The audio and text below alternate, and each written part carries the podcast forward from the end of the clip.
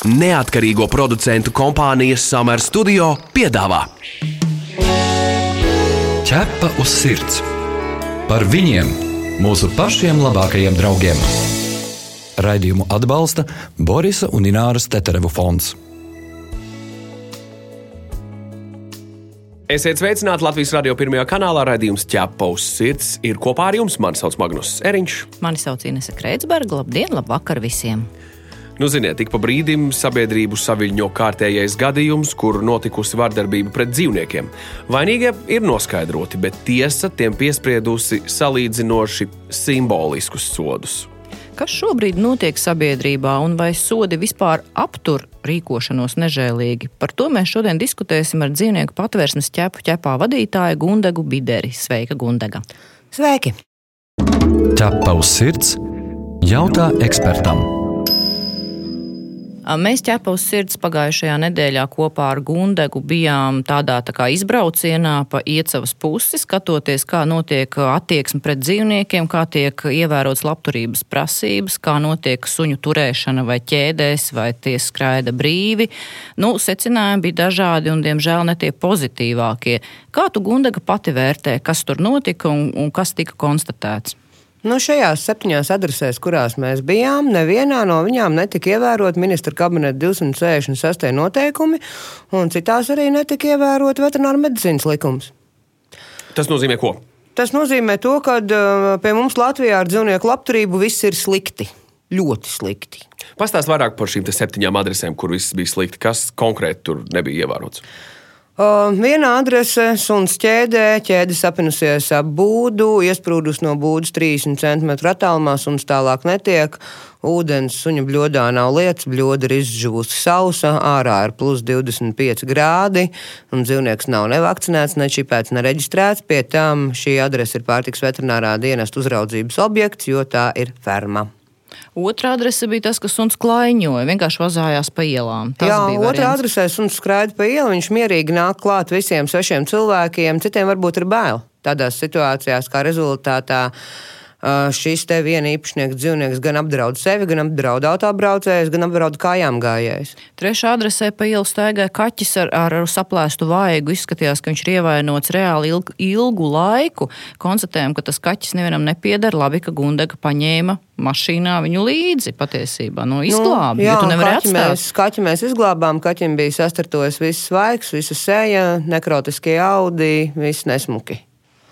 O, nu jā, vēl viena adrese bija ļoti jautra ar to, kad suns ir iespundēts pussagrūvušā mājā. Mājai elektrības nav, iekšā ir ieslēgts suns. Ņemot vērā, ka es zinu šīs adreses iemītnieks, mēs viņiem regulāri esam piegādājuši gan dzīvniekiem pārtiku, gan piedāvājuši palīdzību ar dzīvnieku vakcinēšanu, čipeņšanu, sterilizāciju, kastrāciju. Viņi no šīs palīdzības ir atteikušies, un viņiem, diemžēl, šie suņi, kas ir, ir regulāri klāņojuši par riņķi, plēšot gan meža zvērus, gan biedējot apkārtējos iedzīvotājus. Nu, un šokējošākais, ka mēs ieraudzījām kucēnu apmēram 5 mēnešu jaunu, kurš bija pielikts pie ķēdes, lai gan to arī aizliedz likums. Nu, un rezultātā šī sieviete, kam tas suns piederēja, pirmkārt viņa nesaprata, kāpēc tas suns viņai vispār. Beigās viņa pateica, ka tas suns ir nopirkts, nu, nopirkts pa lēto. Jā, protams, nopirkts par lēto, kas savukārt ir atdošanas normu pārkāpums, jo kucēnu atdodot viņam ir jābūt vakcinētam, čipētam, reģistrētam Latvijas datu centrā. Tas jau ir pirmais pārkāpums no tā cilvēka, kas šo dzīvnieku viņai ir devis. Otrs pārkāpums ir to, ka šis kucēns arī nonākot pie viņas nav savakcinēts, sačipēts, reģistrēts, kā to paredz likumdošana līdz trīs mēnešu vecumiem. Treškārt, jā, kucēns atradās piesietas ķēdē 5 mēnešu vecumā. Ceturtkārt, viņam nebija ne pārtika pieejama, ne ūdens. Un paņemot šo suni mašīnā, vedot pie mums uz ķepām, pa ceļam viņš aiz bēlēm apakājās un izkakāja ārā tukšs cigarešu paciņš. Tas nozīmē, ko mēs no tā saprotam, ko šis kucēns vispār dabū ēst. Pareizi. Jā. Pēc visa šī gundaga varbūt tu vari vēlreiz skaidri un skaudri apzīmēt, cik mūsu sabiedrība ir gatava vai nav gatava uh, dzīvnieku turēšanai. Ņemot vērā to, ka mūsu sabiedrībā dzīvnieks ir nevis luksus prece, kā tam būtu jābūt, bet pieejams jebkuram individam, tad, diemžēl, 70% gadījumu cilvēki neievēro elementāro labturību. Tā ir tā šī brīža realitāte, ko mēs esam pierādījuši braukājot, skatoties kā tas viss notiek, kā tas viss attīstās. Realitāte ir ļoti smaga ar tām pašām lietvedībām, jo ir ļoti grūti pierādīt, ka šis nečipētais, nereģistrētais suns pieder konkrētai personai X, kas par šo dzīvnieku ir ņirgājusies vai arī novaduši šo dzīvnieku nāvē. Ja tavs sirds skaidro faktus. Gundaga, tu darbojies dzīvnieku patversmē jau vairāk kā desmit gadus. Man liekas, tie ir vismaz 11 gadi. Jau 12 dzīv... gadi kopš mums ir patversme biedrība, un pirms tam vēl divi gadi kā brīvprātīgā. Jā. Nu, lūk, kāda situācija ir epizodēs par nežēlīgu izturēšanos pret dzīvniekiem? Tādi kļūst biežāk, retāk, mainās raksturs, izdoma šiem nežēlīgajiem cilvēkiem. Grūti viņus vispār par cilvēkiem nosaukt. Es teiktu, ka viņu bezatbildība un visatļautība aug augumā. Jā, arī sabiedrība paliek redzīgāka. Tas ir viens no divi. Jo, diemžēl, šie gadījumi, kad ir cietsirdīga izturēšanās pret dzīvniekiem, mēs viņu ieraugām vairāk, biežāk, regulārāk. Bet, diemžēl, gan valsts policija, gan Latvijas tiesu sistēma nespēja, negrib šo problēmu risināt negrib nodrošināt adekvātus sodus, un ļoti biežās situācijās, kad ir reāla krimināla lieta ar līķiem, valsts policija šo lietvadību pārvērš kā administratīvu sodām. Kā rezultātā vainīgā persona nemaz nesaņem sodu, kas viņai būtu jāsaņem pēc nodarītā faktora. Pagaidām, paga, vai šeit nav tas, ko mēs esam bieži dzirdējuši, ka tiesvedība nemaz nesākās, ja tas dzīvnieks ir palicis dzīvs, bet tiesvedība sākās tad, ja šīs dzīvnieks ir aizgājis bojā. Ir tur kāda saistība? Jā, ļoti lielā mērā, jo mums tikko bija reāls situācija, reāls gadījums Alcē, kad deviņas diennaktis suns un divi kaķi bija atstāti vieni paši, bez pārtikas, bez ūdens. Pārtiks veterinārais dienas, diemžēl, neuzskatīja par nepieciešamu ierasties, jo tas bija ārpus darba laika. Valsts policija bija uz vietas, bet valsts policija neuzsāka kriminālu pārkāpumu faktu, jo Viņi nesaskatīja, ka šis ir krimināls sodāms. Kaut gan 230. pants un tiesību akti paredz, ja dzīvnieks ir atstāts ilgāk kā uz 48 stundām bez aprūpes, tad tā ir klasificējama kā dzīvnieku spīdzināšana tajā situācijā tu biji līdzās valsts policijas darboņiem. Jā, protams. Ko tu, tu, es ticu, ka tu teici tieši to, ko tu tagad saki radio. Atsaucies uz pāntiem, atsaucies uz normatīviem aktiem. Ko tev atbildēja policisti? Policija man atbildēja, ka viņi nav kompetenti šajā jautājumā. Ka viņiem pietrūkst kompetences, viņi sazinājās ar pārtiks veterināro dienestu. Pārtiks veterinārais dienests viņiem lūdza iedodiet sunīšiem, kaķīšiem mēs dzert. Tā situācija īstenībā ir tāda, ka jā, viens ir izglītība kā tāda par konkrētajām normām, likuma kuri, diemžēl, jū, ļoti jūtami iztrūkst valsts policijas pārstāvjiem. Vairākas šādas situācijas ir bijušas, kurās netiek uzsākta krimināla lieta. Un realitāte ir tāda, ka ļoti bieži arī augstas situācijā nemaz netika sagatavot nepieciešamie dokumenti, kā dzīvnieku izņemšanas akts, jo policija pateica, ka viņi to nedrīkst, tāpēc, ka tā nav viņa kompetence. Rezultātā dzīvnieki tika izņemti vienkārši valsts policijai, tā teikt, klātesot. Kaut gan valsts policijas pārstāvi paši atvēra, atlauza šī dzīvokļa durvis pēc saimnieka piekrišanas, kad saimnieks ar mieru atdot labprātīgi šos dzīvniekus. Nu, arī mēs, kā ķepus sirds, esam piedzīvojuši epizodi, kur mēs no, nointervējām sievieti, kura bija izmetusi kaķēnu miskastē. Viņa bija ielikusi kaķa atkritumu maisā, aizsējusi cietu maisu un iemetusi miskastē. Kaķis izdzīvoja pateicoties tikai tāpēc, ka um, šo kaķi atrada kaimiņiene, kas gāja pēc desmit minūtēm burtiski izmest arī atkritumus. Kaķis palika dzīvs, un sievietei tika piemērots naudas sots. Mēs atradām šo sievieti, piezvanījām pie durvīm un jautājām, kāpēc viņa tā rīkojās. Atbilde bija tāda, ko jūs man lienat dvēselē, es taču sodu jau samaksāju. Jā, tas cilvēks uzskata, ka viņš ir samaksājis sodu un viss, ka viņš var laimīgi dzīvot tālāk, bet realitāte, diemžēl, rāda to, ka šie cilvēki, kuri sākotnēji izturas vardarbīgi un cietsirdīgi pret dzīvniekiem, nākamais etaps viņi to dara pret bērniem, tad jau pret sievietēm vai vīriešiem, vienalga nešķirojot dzimumus. Jo viņi jau pirmajā reizē, kad viņi ir radījuši vardarbības aktu, viņi nesaņem piemērotu sodu.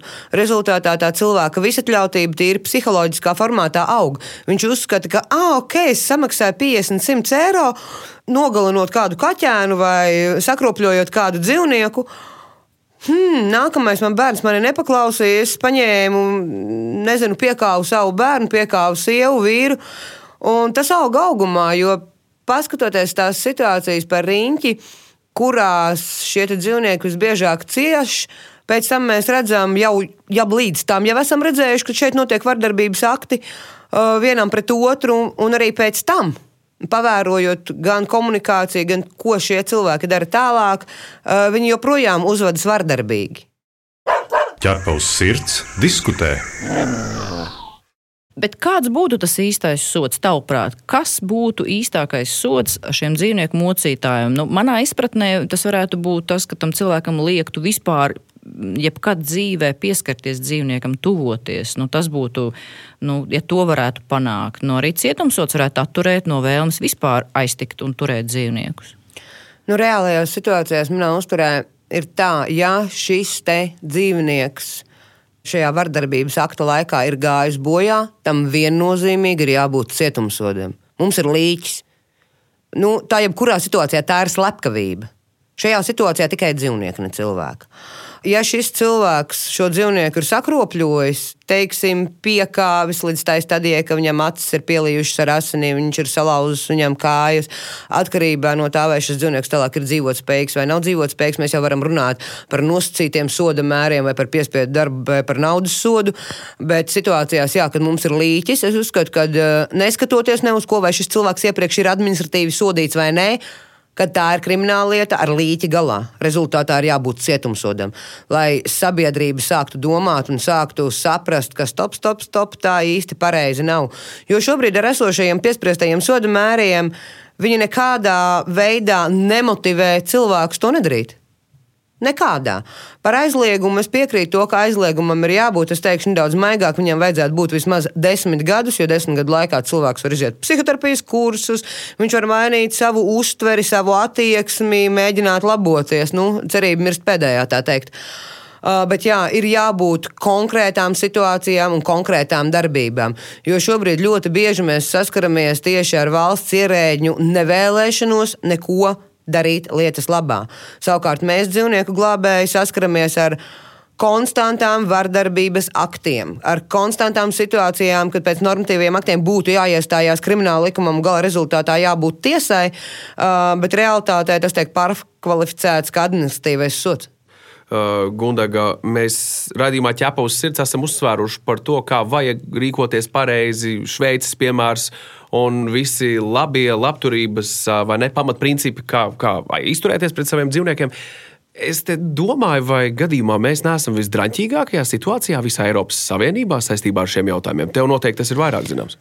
Esam tikko bija tieši Eiropas komisijā bija viedoklis par dzīvnieku tēmu, un Baltijas valstis pielīdzināja Rumānijai, uzsverot tieši īpatsvaru uz Latviju kad pie mums viss ir slikti. Un, jā, es viņiem varu piekrist, pie mums viss ir slikti. Bet no kurienes mums tas ir radies?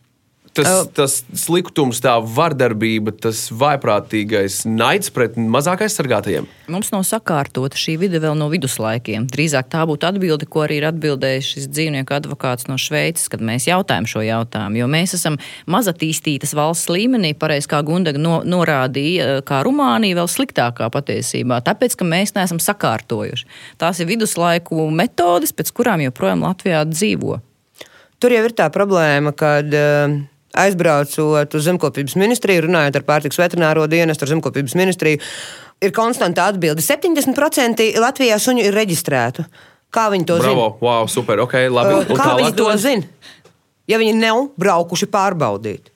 Ja jūs sakat, ka 70% suņu Latvijā ir čipēti, reģistrēti, un viss ir ok, tad kāda vēlna pēc mums randomā braukājot par adresēm ir tieši otrādi. Tikai 30% gadījumu viss ir izdarīts, kā tam būtu jābūt. Tad teorētiski viņi piesaistās šo situāciju. Protams, viņi piesaistās ļoti bieži tiek piesakti puslegāli, nelegāli pavairotāji, vairotāji. Jo ministra kabineta 407. noteikumi par patvērsmēm. Patvērsmē uz katriem 20 suņiem ir jābūt atsevišķam cilvēkam, atsevišķam kopējam, kas strādā visu dienu. Legāliem, nelegāliem audzētājiem mājās var būt 50, 70, 100 suņi, un viņš ir viens pats. Kā šis cilvēks viens pats var nodrošināt labturību 100 suņiem? Tas ir labs jautājums, uz ko mēs noteikti šeit atbildi neiegūsim. Nu, loģiski arī retorisks jautājums tāpat laikā. Bet ko mēs, ko mēs vēl varam izdarīt? Mēs esam daudz runājuši, un tā ir tāda sajūta, ka mēs tomēr cīnāmies ar kaut kādām veidzirnavām, kuras īsti līdz galam nevar apturēt. Nezinu, jāuzlaiž gaisā veidzirnavas, vai, vai, vai, vai kas tagad ir jādara? Uh, jā, jāuzlaiž gaisā veidzirnavs. Uh, pateikšu konkrētāk. Mans subjektīvais viedoklis ir to, ka mums ir jāreformē pārtikas veterinārais dienests. Jo pārtikas veterinārais dienests vienmēr ir teicis, ka dzīvnieku labturība nav viņu priorais jautājums. Viņu priorais jautājums ir uh, cilvēku uzturķēde un situācijas, kas ir saistītas ar to. Tātad dzīvnieku elementārā labturība, šie ministra kabineta 266 noteikumi, tāpat kā viņi ir izdalīti, uh, būtu jābūt atsevišķai institūcijai, kas konkrēti kontrolē šo jomu. Jo tas nav normāli, ka braukājot vienkārši pa adresēm, mēs konstatējam tādus faktus, kuriem nebūtu tā jābūt. Un visļaunākais ir tas, ka mēs šādus faktus konstatējam pārtiks veterinārās uzraudzības objektos. Šis suns nebija pusgadu vecs. Viņš bija vismaz pusotru, divi gadi vecs. Tas nozīmē, ka pārtiks veterinārais dienas šajā adresē ir bijis vismaz vienu vai divas reizes. Viņi to nav-? Viņi to jau redzēja. Viņi to zināja, viņi to redzēja. Ja precīzāk es pateikšu, viņi nepaprasīja, vai šis dzīvnieks ir čipēts un reģistrēts. Nepaprasīja pasi, lai veiktu pilnu pārbaudi, jo viņi veic pārbaudi par govīm. Tātad par gaļas ķēdi. Viņus neinteresē, vai tas suns, kas sēž pie ķēdes, ir vakcinēts, čipēts un reģistrēts vai nē, jo viņš jau neaiziet uz barības ķēdi. Nu, mēs par pārtiks veterināro dienestu varētu pat veselu seriālu uzveidot, bet mēs šobrīd vairāk, šodien mēs vairāk par tiem sodiem, kas tiek piespriesti. Kā tev liekas? Kāpēc, ja likumos viss ir, es uzskatu, ka likumā ir viss labi aprakstīts, visi iespējamie soda veidi. Kā tev liekas, kāpēc netiek piemēroti šie bargie? Tiesnešiem bail no kaut kā, viņiem bail vai pateikt to, ka dzīvnieks ir līdzvērtīgs cilvēkam. Kāds tavuprāt ir šis iemesls? Jo tāda īsta sabiedrības spiediena jau, manuprāt, nav. Īsti sabiedrības spiediena ir eh, ļoti maz, jo nu, mēs, latvieši kā tādi, mēs esam diezgan pacietīgi, un mēs vēl pacietīsimies, un vēl pagaidīsim, un vēl par to pačīkstēsim, bet neiesim un nedarīsim. Tas ir punkts viens, un punkts divi. Jā. Tiesas sistēma jau redz to, ka uh, nav kontrols mehānismu, kad ir pāris šādi gadījumi, kas līdz viņiem nonāk. Un tad viņi, nu tas taču ir tikai suns, vai tas taču ir tikai kaķis, vai tas taču ir tikai zirgs. Nu, ko mēs, nu, mēs tam cilvēkam pateiksim, nu, nu, pie tam viņš iepriekš nav sodīts. Viņš noteikti nezināja, nesaprata, jeb kā mēs tam melnī savā starpā uzjautrinājāmies. Kad uh, Marka un Desildas lietā, kas tika nobadināti, uh, saimnieki nu, nebija tā domājuši, Jā, viņi atzina savu tā vainu, nomirs. un tas laikam bija tiesnesim vainu mīkstinošais apstākļus. Jā, un tikko bija situācija, kad uh, suni noslīcināja vannā, nu mums ir melns humors. Viņi nezināja to, ka suns nav spējīgs izdzert veselu vannu ar ūdeni. Ķepa uz sirds noskaidro. Un tad runājot par uh, šo konkrēto gadījumu, ko tu tikko pieminēji par, uh, par suņu slīcināšanu vannā, tas uh, daudziem bija liels pārsteigums, ka tas nerezultējās reālā krimināla sodāmībā. Jā, jo pēc esošiem normatīviem aktiem pirmkārt tā ir krimināla likuma 230. panta, nevis pirmā, bet otrā daļa, jo šī jau bija organizēta grupa, tātad divi cilvēki. Un šeit cietumsots ir paredzēts līdz pat pieciem gadiem. Bet nu, tiesnesis laikam vienkārši nebija informēts par to, ka suns nav spējīgs izdzert veselu vānu ar ūdeni, un tāpēc uzlikt tikai laikam nosacīto sodu. Jo tas ir paradoks. Ja mēs varam pierādīt, ka šī ir apzināta rīcība, tātad slepkavība ir bijusi apzināta. Viņi apzināti gāja Ja viņi par to ir slīcināt suni. domājuši, plānojuši un rīkojušies. Jā. Tas nav tā, ka sakārojās. Jā. Nē. Tur jau ir tā lieta, un arī par šādu rīcību cilvēks nesaņem reālu cietumsodu. Jo jebkurai rīcībai ir jābūt sekas. Mēs bērniem mācām, nebāz pirkstu pie uguns, būs karsts. Bērns vienreiz piebāza pirkstu pie uguns, viņš sajūt, ka ir karsts. Otrais viņš viņu tur nebāzīs. Tiesu sistēmai būtu jābūt kā paraugam mūsu sabiedrībai. Tātad kāds divkājainais. Spīdzināja šo dzīvnieku, noslīcināja šo dzīvnieku. Rezultātā mums ir līķis. Viņam ar savu lēmumu pārējai sabiedrībai būtu jāparāda, ka tas nav pieņemami, ka tas nav normāli un ka tas tā nedrīkst būt. Tā vietā šobrīd mēs uh, tikai pakritam ar pirkstiņu, sakam, nu, nu, tu rīkojies nepareizi, fuj. Mēs redzam, ka pagājušajā gadā tiesību ierobežošana bija divos gadījumos, sabiedriskais darbs četros un brīvības atņemšana tikai vienā gadījumā. Tā kā sabiedriskais darbs tiek piespriezt daudz aktīvāk, un to mēs arī redzam iepriekšējo gadu statistikā. Prevalē tomēr piespiedu darbs un tā saucamā probācijas uzraudzība. Brīvības atņemšana viens, divi gadījumi gadā tikai. Kā tu komentē šo? Mums Latvijā ir, diemžēl, ļoti maz lietu, kas reāli aiziet līdz tiesai. Sāksim jau ar to. Un pat ja viņas nonāk brīnumainā kārtā līdz tiesai, ja pat izdodas policijai, un prokuroram un cietušajām pusēm pierādīt to, tad ļoti bieži prokurori neprasa adekvātu soda mēru šiem cilvēkiem, šīm personām, kas ir principā viņi ir slepkavas.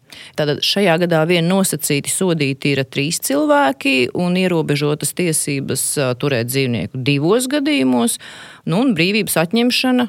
Nu, viņa summēs ar īslaicīgu brīvības atņemšanu divos gadījumos. Ļoti maz. Jā, tas ir ļoti maz ņemot vērā reālos cietsirdības faktus ar kuriem mēs saskaramies ikdienā.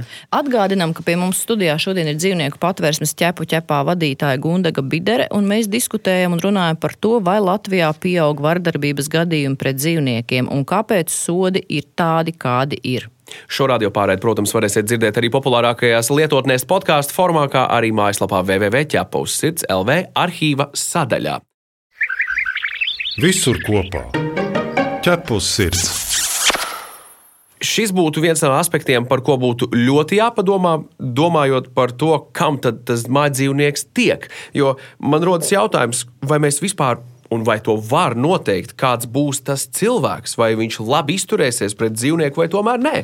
Nu, nav jau tā, ka ļaundari staigā ar krustu uz pieres, un kur viņiem ir īpaša atzīme, ka viņi ir ļaundari, vai viņiem ir ragi izauguši vai asti garāki, kā sātanam. Bet, bet, bet mēs varam to redzēt, nevaram to redzēt. Kā tas ir Gundaga?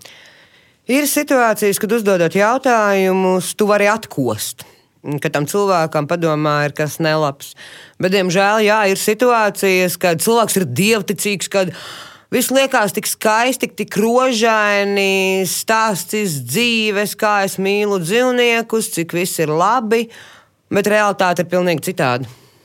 Un te mēs lēnām tuvojamies pie konkrētā gadījuma, kurš rezultēsies drīz ar tiesvedību. Tāpēc Gundaga varētu pastāstīt par to, kur kādreiz var kļūdīties, atdodot dzīvnieku adopcijai sliktam cilvēkam. Un šajā gadījumā mēs runāsim par konkrētu dzīvnieku, kurš cieta dubultu smagi, jo viņš jau vienreiz bija nodots, atdots patversmē un tālāk tika ļoti, ļoti sliktās rokās.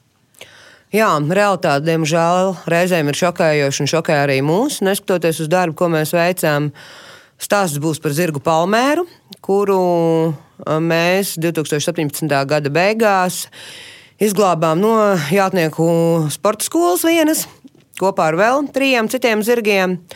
Pārējiem zirgiem mēs atradām pagaidu mājas un īstās mājas. Palmēra nonāca pie mums patvērsmē tapa atkopta, izārstēta, konstatēts visas veselības problēmas.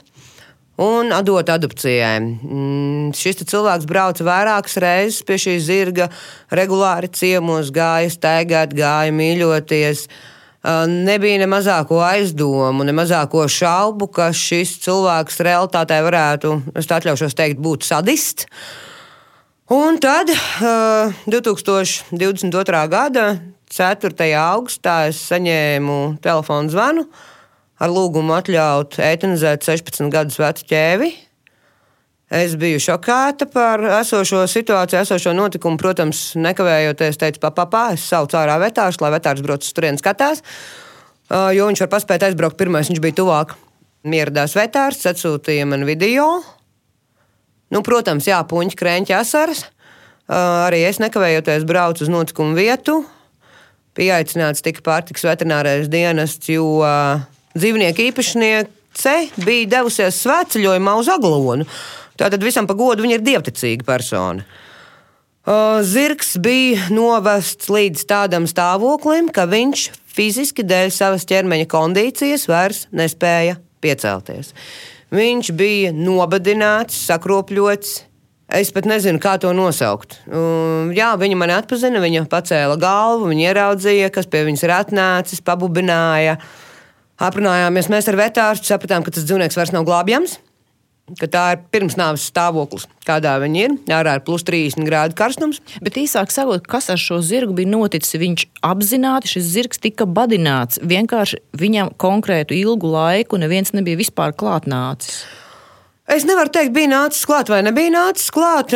Zirgam sekcijā uh, tika konstatētas vairākas brūces, kas nebija ārstētas koptas pēdējo nedēļu. Zirgam sekcijas rezultātos tika konstatētas čūlas mutē, ielaistas infekcijas. Es teiktu, to, ka pēdējos vairākus mēnešus zirgs nebija saņēmis veterināru medicīnisko palīdzību. Un paradoks ir tas, ka šī konkrētā dzīvnieka situācijā gadījumā mums līgumā bija atrunāts, ka ņemot vērā, ka šai ķēvē ir limfangīts, ņemot vērā, ka šai ķēvē ir enfizēma, ka šīs ir divas situācijas, kad vetārstu atmaksājam mēs kā organizācija, ņemot vērā, ka adopcijā ir nodots dzīvnieks ar konkrētām veselības problēmām. Tā vietā, lai šī persona piezvanītu vetārstam, izsauktu vetārstu pie sevis, ārstēt šo dzīvnieku, viņi izlēma vienkārši to nedarīt. Rezultātā pakļaujot zirgu lēnai un mokošai nāvei. Kas notika ar šo sadistisko sievieti? Vēl nekas.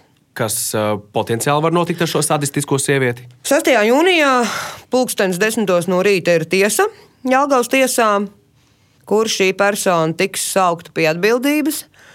Man ļoti gribētos cerēt un ticēt uz mūsu tiesu sistēmas godaprātu, kad eh, ņemot vērā visus faktus, šī persona tiks notiesāta ar reālu cietumsodu. Vai es pareizi saprotu, ka šai personai ir arī bērni, kas noskatījās šajās eh, ciešanās eh, konkrētā zirga? Jā, viens no bērniem arī tika atstāts kopā ar bijušo esošo vīru par pieskatītājiem šiem zirgiem. Kas ir par aizliegumu turēt zirgus, tu minēji? Situācija ir sekojoša izmeklēšanas laikā, ņemot vērā, ka viens zirgs ir līķis, otru zirgu, kas no mums ir adaptēts, mēs no šīs adreses nekavējoties izņēmām. Policijai lūdzām piemērot pagaidu aizliegumu līdz tiesai turēt zirgus. Bet tā vietā šī persona Facebookā cītīgi publicē, ka lūdzu visi brauciet pie manis vizināties zirgu pajūgā. Dalīts prieks Viss forši, viss labi. Paga šobrīd šī pati persona Facebookā piedāvā vizināties zirgu pajūgā? Jā, šai personai joprojām turēšanā, viņas valdījumā, viņas novietnē atrodas zirgi.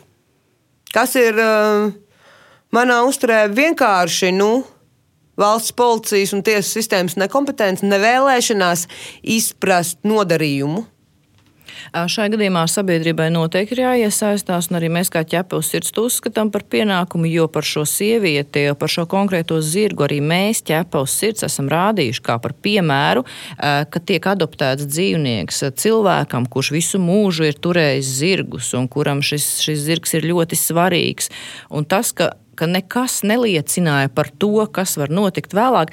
Tas ir vienkārši šokējoši, neaprakstāmi. Es konkrēti šo zirgu ļoti labi atceros. Tas zirgs bija ļoti, ļoti daudz cietis, un īstenībā viņš vēl nebija zaudējis vispār uzticēšanos cilvēkam. Un tas, kas ar šo zirgu notika, nu, tas ir neprāts patiesībā. Un te ir, man liekas, ir jāiesaistās tiešām sabiedrībai, un patiesībā tas cietumsods būtu arī jāpieprasa. Jā, bet, lai pieprasītu cietumsodu, tas ir jādara prokuroram. Mēs nevaram par to tīri juridiski.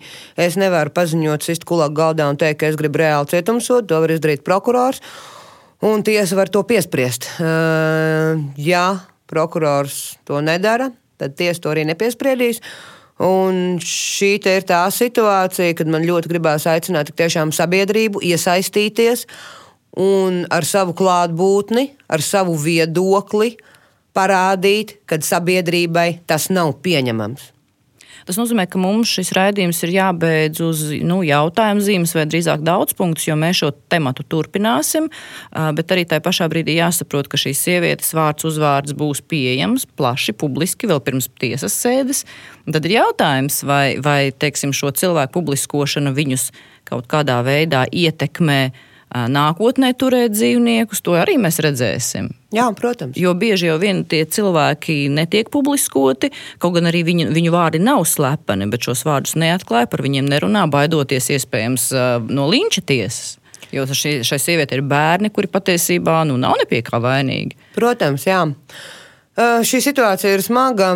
Publi ar publiskošanu ir tā, ka juridiski mēs uh, neviens nav tiesīgs saukt personas vārdu uzvārdu, ja vien šī persona pati publiski nav likusi informācija. Ņemot vērā, ka persona X ir likusi informāciju, tad mēs šo informāciju drīkstam pārkopēt un ievietot plašsaziņas līdzekļos, un cilvēkiem ir elementārs matemātikas uzdevums 2 plus 2 pieliekot punktu šim gan skarbajam un realistiskajam raidījumam ķepa uz sirds šajā nedēļā, es gribēju tikai vēlreiz un vēlreiz par vienu reizi atgādināt to, ka tev visticamāk dzīvnieks nav vajadzīgs.